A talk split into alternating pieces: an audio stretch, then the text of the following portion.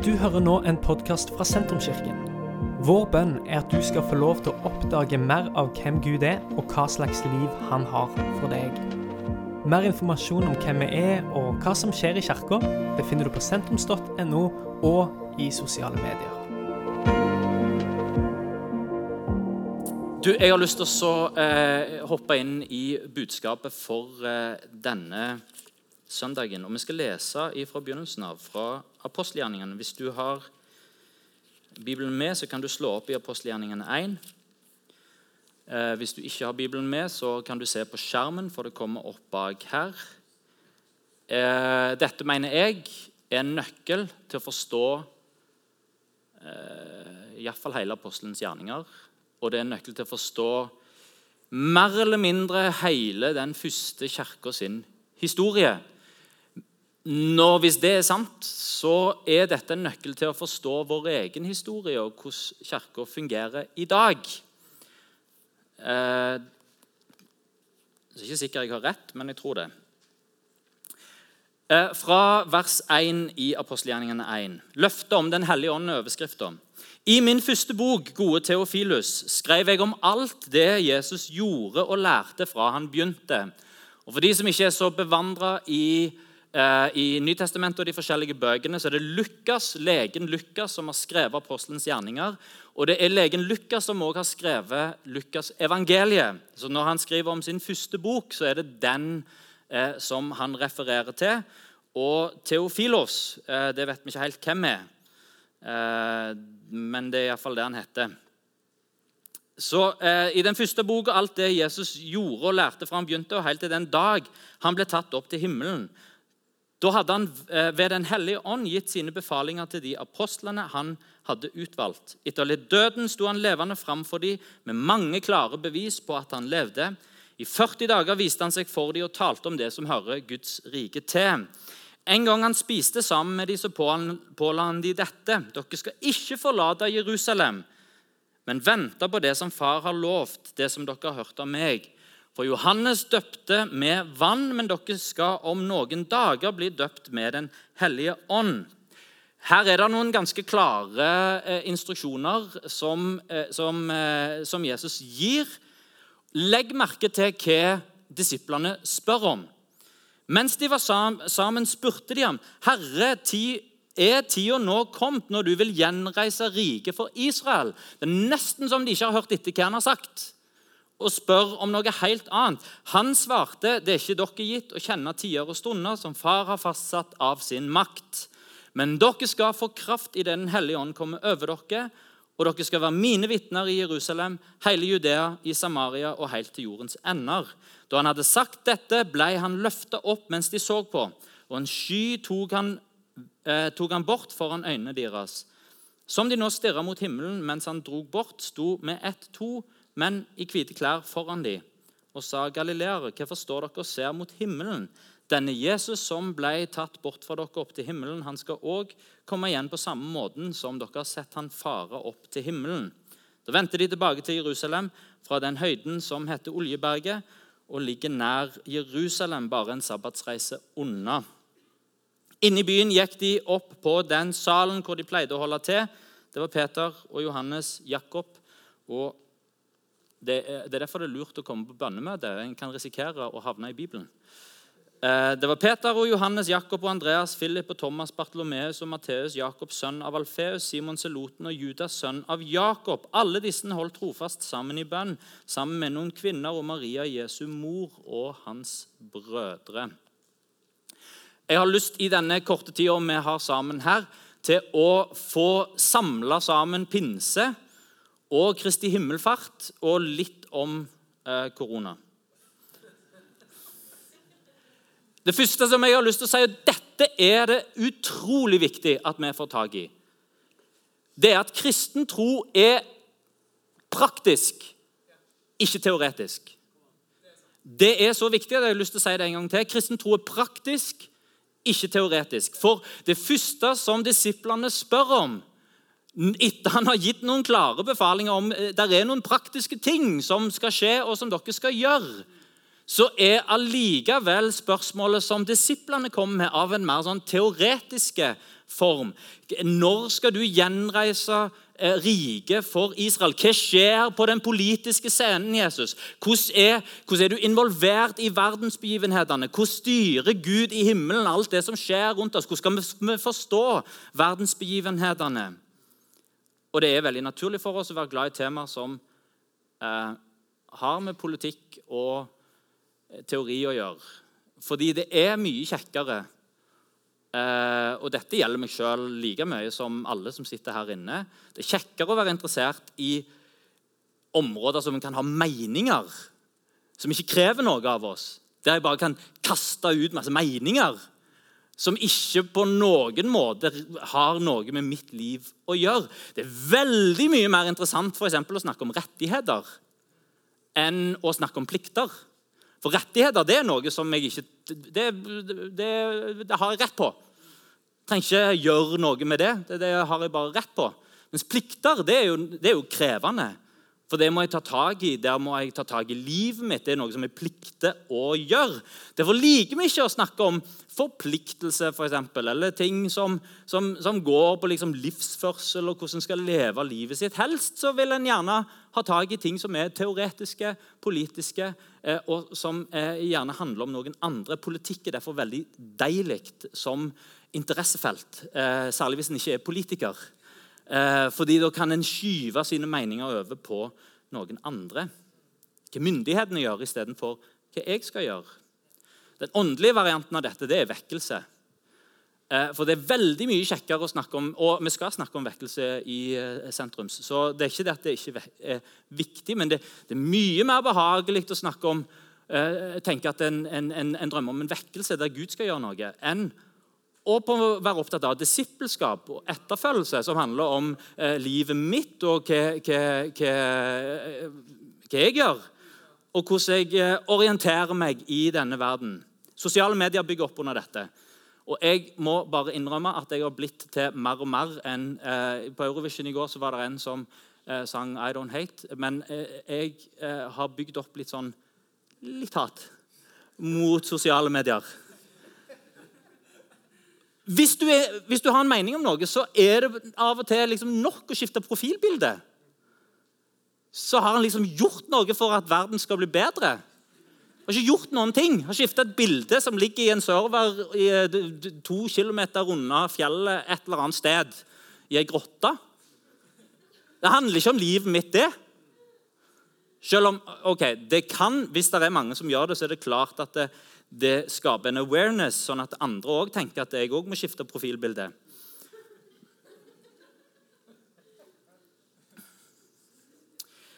Å være en kristen er ikke først og fremst et sett med meninger. Men det er praktisk, og det glir inn i hverdagen. Jesus' sitt svar til disiplene det rammer på en måte, gir en ramme for teologien som sier dere er ikke gitt å vite stunder og tider, men dere skal få kraft idet Den hellige ånd kommer over dere. Og så skal dere være mine vitner. Kristen tro er ikke teoretisk, men praktisk. Hør på dette. Du gjør det du elsker. Du er det du gjør. Du er det du elsker. Det vi elsker, og det vi gjør, det det er ganske sånn Av og til så prøver vi å på en måte eh, dra disse tingene fra hverandre. At du, du, du, har liksom det som er teoretisk, og det som er det som en gjør. Men de henger utrolig sammen. Vi tenker for at Det første så tenker jeg at jeg skal bevege hånda mi. Og så beveger jeg hånda etter at jeg har tenkt. Men hvis du, eh, hvis du prøver å gjøre det, og du nå beveger hånda di, så Det er det ingen som gjør, for det dere tenker ikke. Eh, men hvis en beveger hånda sånn som dette, så går tanken og bevegelsen er, den er samtidig. Det er, det er en ting. Vi henger sammen. Jeg fikk et råd fra en eldre kristen leder for mange år siden. Han sa ikke hør så mye på hva folk sier, men se på hva de gjør. Det er det som et menneske gjør, som forteller som regel forteller historien om det dypereliggende trossystemet. Hvordan vi prioriterer, hvordan vi, vi, orienterer livet vårt, hvordan vi fører livet vårt, forteller noe om hva vi tror på. Kjendispsykologen Jordan Peterson, som har gjort psykologi og filosofi og teologi populært og tilgjengelig for millioner av mennesker, han er opptatt av Gud og baserer veldig mange av sine teorier og sine råd på både Bibelen eh, og på tanken om at Gud eksisterer. Når, kommer, når han får spørsmålet sjøl tror du på Gud, så er jo det interessant å følge med på, for det ser ut til å være en reise der svaret blir mer og mer ja. Eh, men, men, men det mest berømte svaret hans eh, knytta til det, er at det, eh, når han tror du på Gud, så svarer han ofte 'Jeg lever som om Gud fins'. Og For meg så er det den sterkeste definisjonen på tro som fins. Og Så vet ikke jeg om det er helt sant, men jeg tror det er litt sant. Jeg lever som om Gud fins. Kanskje det er bedre enn å, eh, enn å si jeg tror på Gud, men jeg lever som om han ikke fins. Jesus' sin undervisning er mer livsførsel enn filosofi. Det er tro som fører til handling. Derfor har vi Jakobs bok i Bibelen. Og Den er ikke eh, vranglære. Der det står om tro og gjerninger, og at disse tingene her henger sammen. Det er tro som andre mennesker kan føle og kjenne på kroppen. Det er en måte å leve livet sitt på. Det er innrette livet sitt etter nåde, sjenerøsitet, tjeneste, selvoppofrende kjærlighet, kjærlighet til Gud og kjærlighet til mennesker. Og Hvis vi klarer å lære dette, så er vi ett steg nærmere å gjøre evangeliet kjent for andre. Evangeliet eh, Jeg tror dette er rett. Evangeliet er som klær. De ser best ut på mennesker. Og jo finere modellen, jo finere blir klærne. Det å være et Jesu vitne Og nå snakker jeg ikke om utseendet, men det å leve et fint, vakkert liv som er ikledd evangeliet, det gjør evangeliet så utrolig attraktivt. Det der, det vil jeg ha. De klærne der var kule. Eh, de ser bra ut.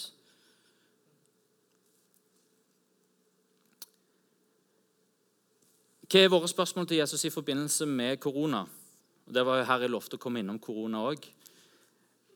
Eh, der er kanskje spørsmålet vårt litt sånn Hva betyr dette? Hvorfor skjer det? Er det tegn på endetid? Teoretiske spørsmål.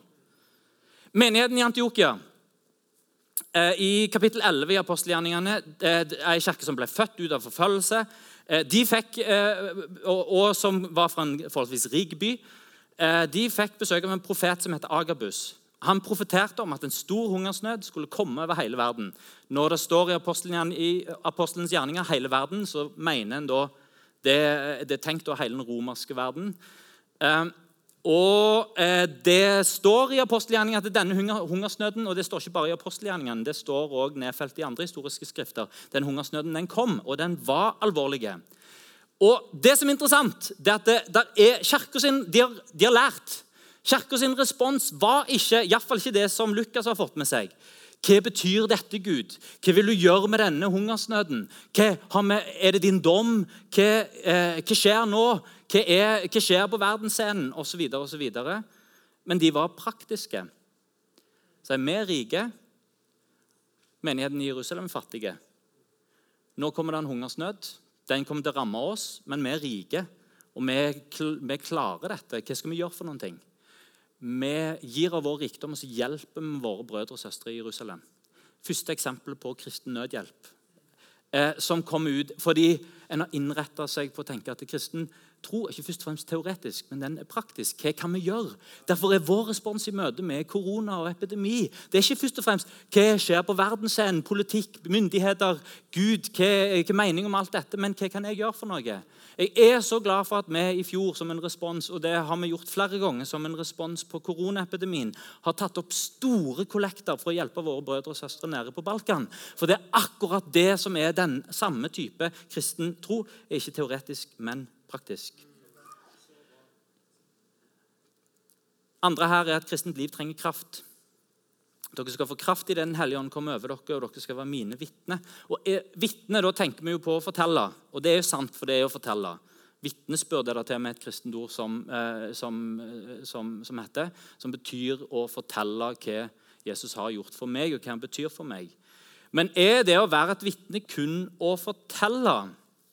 Kraft til å fortelle? På gresk er det her snakk om en sånn helt, det, det, Den greske bruken av dette ordet er helt sekulær. Det er ikke et, på en måte et religiøst ord. Det var et, et ord som ble brukt til helt andre ting enn på den religiøse arenaen. Det ble brukt bl.a. i rettsvesenet. Der det å være et vitne Ordet er martyrion. Du hører hvilke ord som har kommet ut av det. Martyr, det å være villig til å dø for troen sin. Eh, men ikke det det betyr. Det er å være et vitne i en rettssak. Da forteller du det som du har sett, og det som du har hørt, og det som du har opplevd.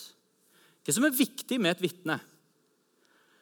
Selvsagt at det som en sier, er korrekt, at det en har sett og opplevd, er korrekt. Men kanskje viktig, viktigere, like viktig som at en sier korrekt det som en har sett og hørt, det er jo at en har troverdighet. At folk stoler på det ordet som en gir. Et vitnesbyrd støttes av integritet. Jesus kaller disiplene til å være hans vitne. Det har ikke bare med våre ord å gjøre, men det har med et liv som peker på Jesus, som gjenspeiler Jesus, som etterlever Jesu ord. Den som er kristen, er kalt til å leve et kristent liv. Og det kristne livet er fundamentert i det har sitt fundament i kraft. Dere skal få kraft i det Den hellige ånd kommer over dere, og så til å være mine vitner. Og kraften får vi i Den hellige ånd. Og her, eh, for, for, for, de som har fått med seg litt av hva vi har prøvd å si i denne, eh, dette halvåret hvor vi ikke har hatt gudstjenester, så, så, snakker vi om det åndelige mennesket og den åndelige lengselen som fins i mennesket. Og Det finner vi fra første Mosebok, der det står når Gud skapte mennesket, eh, så, så blåste han livets ånd inn i mennesket, og det ble til en levende sjel. Det er denne livspusten ifra Gud som har gjort oss til bevisste mennesker, som er, eh, som, som, som er i stand til å orientere oss moralsk, og som, etter hvert òg har lært forskjellen på godt og ondt. og, og Eh, eh, eh, og som har Guds, mye av Guds karakter i seg, skapt i hans bilde. Derfor er mennesket per definisjon åndelig. Mennesket er guddommelig. Jeg vil ta det et steg lenger og si med tradisjonell kristen tro mennesket er hellig. Menneskelivet er hellig. Ikke fordi at det, alt det som eh, til sammen er kroppen vår, er så hellig i seg sjøl. Det er materie, akkurat som alt annet.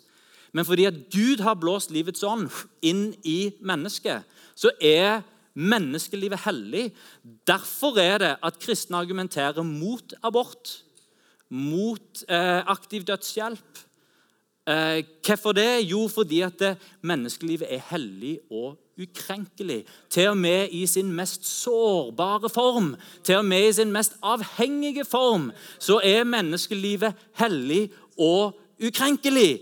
Hvorfor er du hellig? Fordi Gud har pusta på deg og gitt deg av sin natur. I Johannes evangeliet så står det at Jesus pusta på disiplene og sa 'ta imot Den hellige ånd'. Ordet for pust og for vind og for ånd er det samme. Det er Guds pust, det er Guds vind, det er Guds ånd. Jesus lover at når han blåser på de, så skal de bli fulgt med denne. Altså Ikke bare at det er et, et utgangspunkt for livet vårt for å være menneske, men at den skal bli fulgt av den kraften. Det er en sånn dobbel dose. Og Løftet fra apostelgjerningene 1,8 er kraft til å være vitne. Kraft til å fortsette Jesu gjerning. Og Nå må jeg skynde meg for å få med siste siste tingen her, som er at kristen tjeneste er motivert. Og den kristne tjenesten i verden er motivert av at Jesus kommer tilbake. Disiplene ser at Jesus blir tatt vekk fra dem. De har fått et umulig stort oppdrag. Eh, en lite, eh, noen håndfuller med mennesker som får høre eh, gjør disipler av alle folkeslag. Sjusj, sjusj, kom igjen. Altså, det, er, det, er, et umulig oppdrag. Og så og så Heldigvis så hører en ja, men jeg er med dere alle dager inntil verdens ende. Oh, det var jo godt. Vi tenkte et øyeblikk vi skulle gjøre dette alene. Eh, og så går det en liten, eh, stund til. Dere skal få kraft i Den hellige, hellige ånd komme over dere. Og så, voff, så forsvinner han. Det er ikke løye de sto og så Eh, du hadde lovt å være med oss alle dager. Det var i det minste det minste vi kunne forvente for dette umulige oppdraget. Eh, de følte seg forlatt, alene.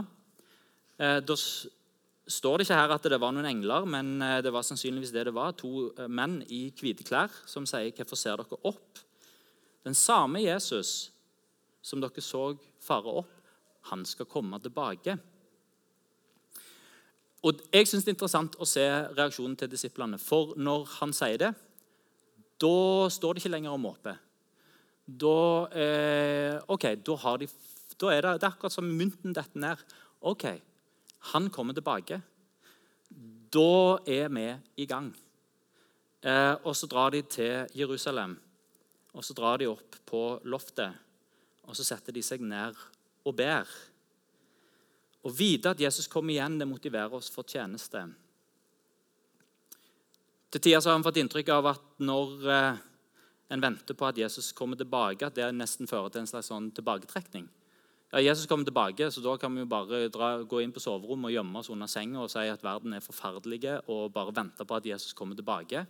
Eh, men det er ikke disiplene sin reaksjon. Jesus kommer tilbake, ok, men da er vi i gang. Da er vi i gang med det som han har kalt oss til.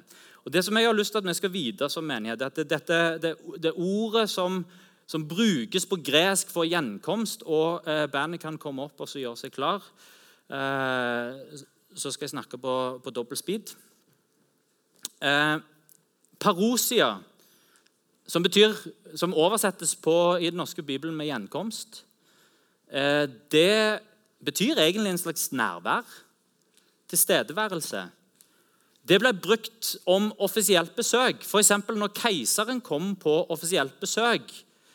Keiseren eide hele, så Den romerske keiseren eide hele Romerriket. Det var hans. Han kunne dra rundt der sånn som det passet han. Eh, og han drog på offisielle besøk til de andre byene. Og Det er jo sånn som, jo sånn som kongene driver på ennå. faktisk. Altså, en har ikke bare signingsferder, men en drar rundt og besøker landet. Hele middelalderen er fullt av dette, at kongefølget dro rundt i riket og på en måte kom inn til byene som i hermetegn var deres. Og når keiseren skulle på parosia, på besøk, på nærvær, på gjenkomst, så sa han først ifra at han kom. Fra han sa ifra at han kom, så begynte forberedelsene. Alt skulle gjøres i stand for keiseren. Byen ble klargjort for sin herre. Og når keiseren første, og det, Den forberedelsen kunne vare i lang tid. Og når keiseren først kom, så gikk byens lederskap ut og møtte keiseren og hans følge. Noen ganger så ga de han nøklene til byporten. Og Så geleida de han inn og sa, 'Vær så god, kom inn i byen som er din'. Det er dette som skjer med disiplene. De får annonsert parosia. Herren kommer tilbake til jorda som er hans. Oppdraget i mellomtida er å forberede. Og Det motiverer til tjeneste og engasjement. Guds rike er kommet nær. Og nøkkelen er dette her kraft til å være vitne. Og nøkkelen til kraft, det er bønn. For de går ikke i gang med å gjøre masse ting. De setter seg ikke ned og lager et visjonsdokument og lager en strategi. Og begynner å ha seminarer om hvordan vi skal få til dette.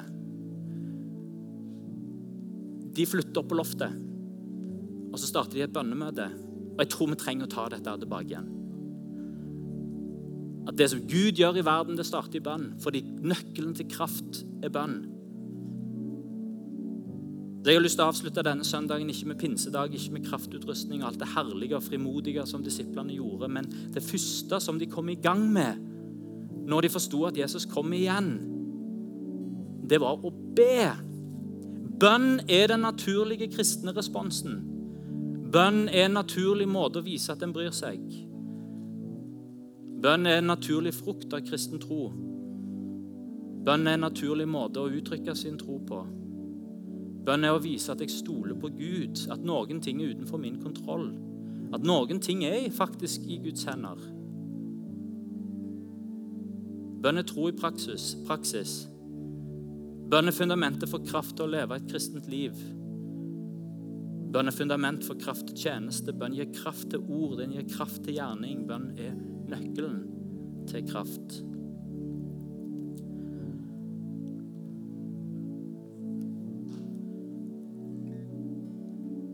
Bønnen er litt som laderen til mobiltelefonen. For den går tom for strøm. Hvis vi ikke lader den, så er den flat. Nå tror jeg mobiltelefonen er kilden til å tømme oss for kraft. Fordi vi så ofte sitter med øynene oppi den og i skjermene våre, mister evnen vår til konsentrasjon, blir stressa av alt informasjon og alt som skjer, og så tømmes vi for energi og kraft. Tenk hvis vi kan finne tilbake til denne eldgamle, deilige kristne praksisen og fokusere på Gud sin opp, gi sin oppmerksomhet til Gud. Sitte og være stille. Lytte til hva Gud sier. Tømme ut hjertet sitt for Gud. Begynne å be for alle de tingene som en ikke har kontroll over. Det er masse ting vi ikke har kontroll over i livet vårt. Be for alle de menneskene som en bryr seg om.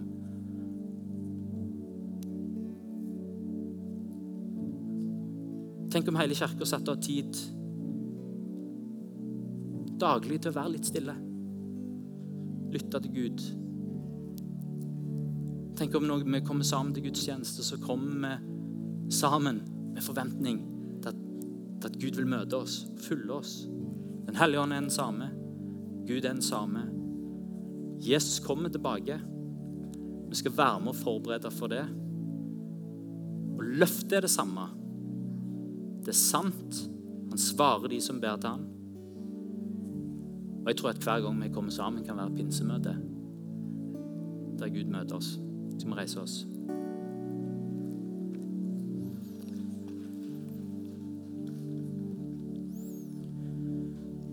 Hvis du vil, så kan du lukke øynene dine. Vi har noen minutter igjen, og vi skal bruke de til å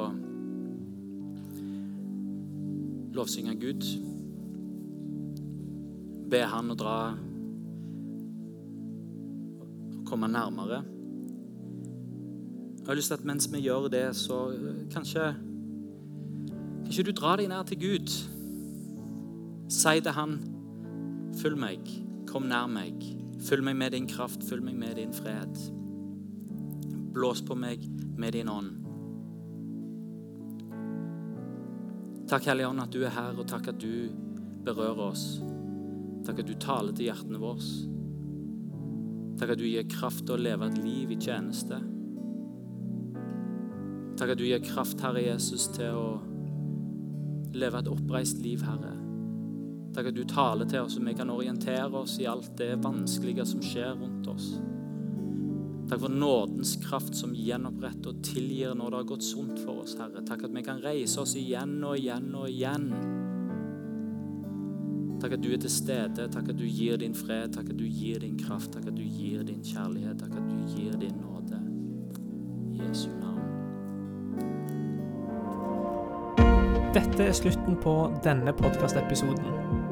Har du spørsmål om Jesus, om tro, om livet, så er du hjertelig velkommen til å ta kontakt med oss via sentrums.no.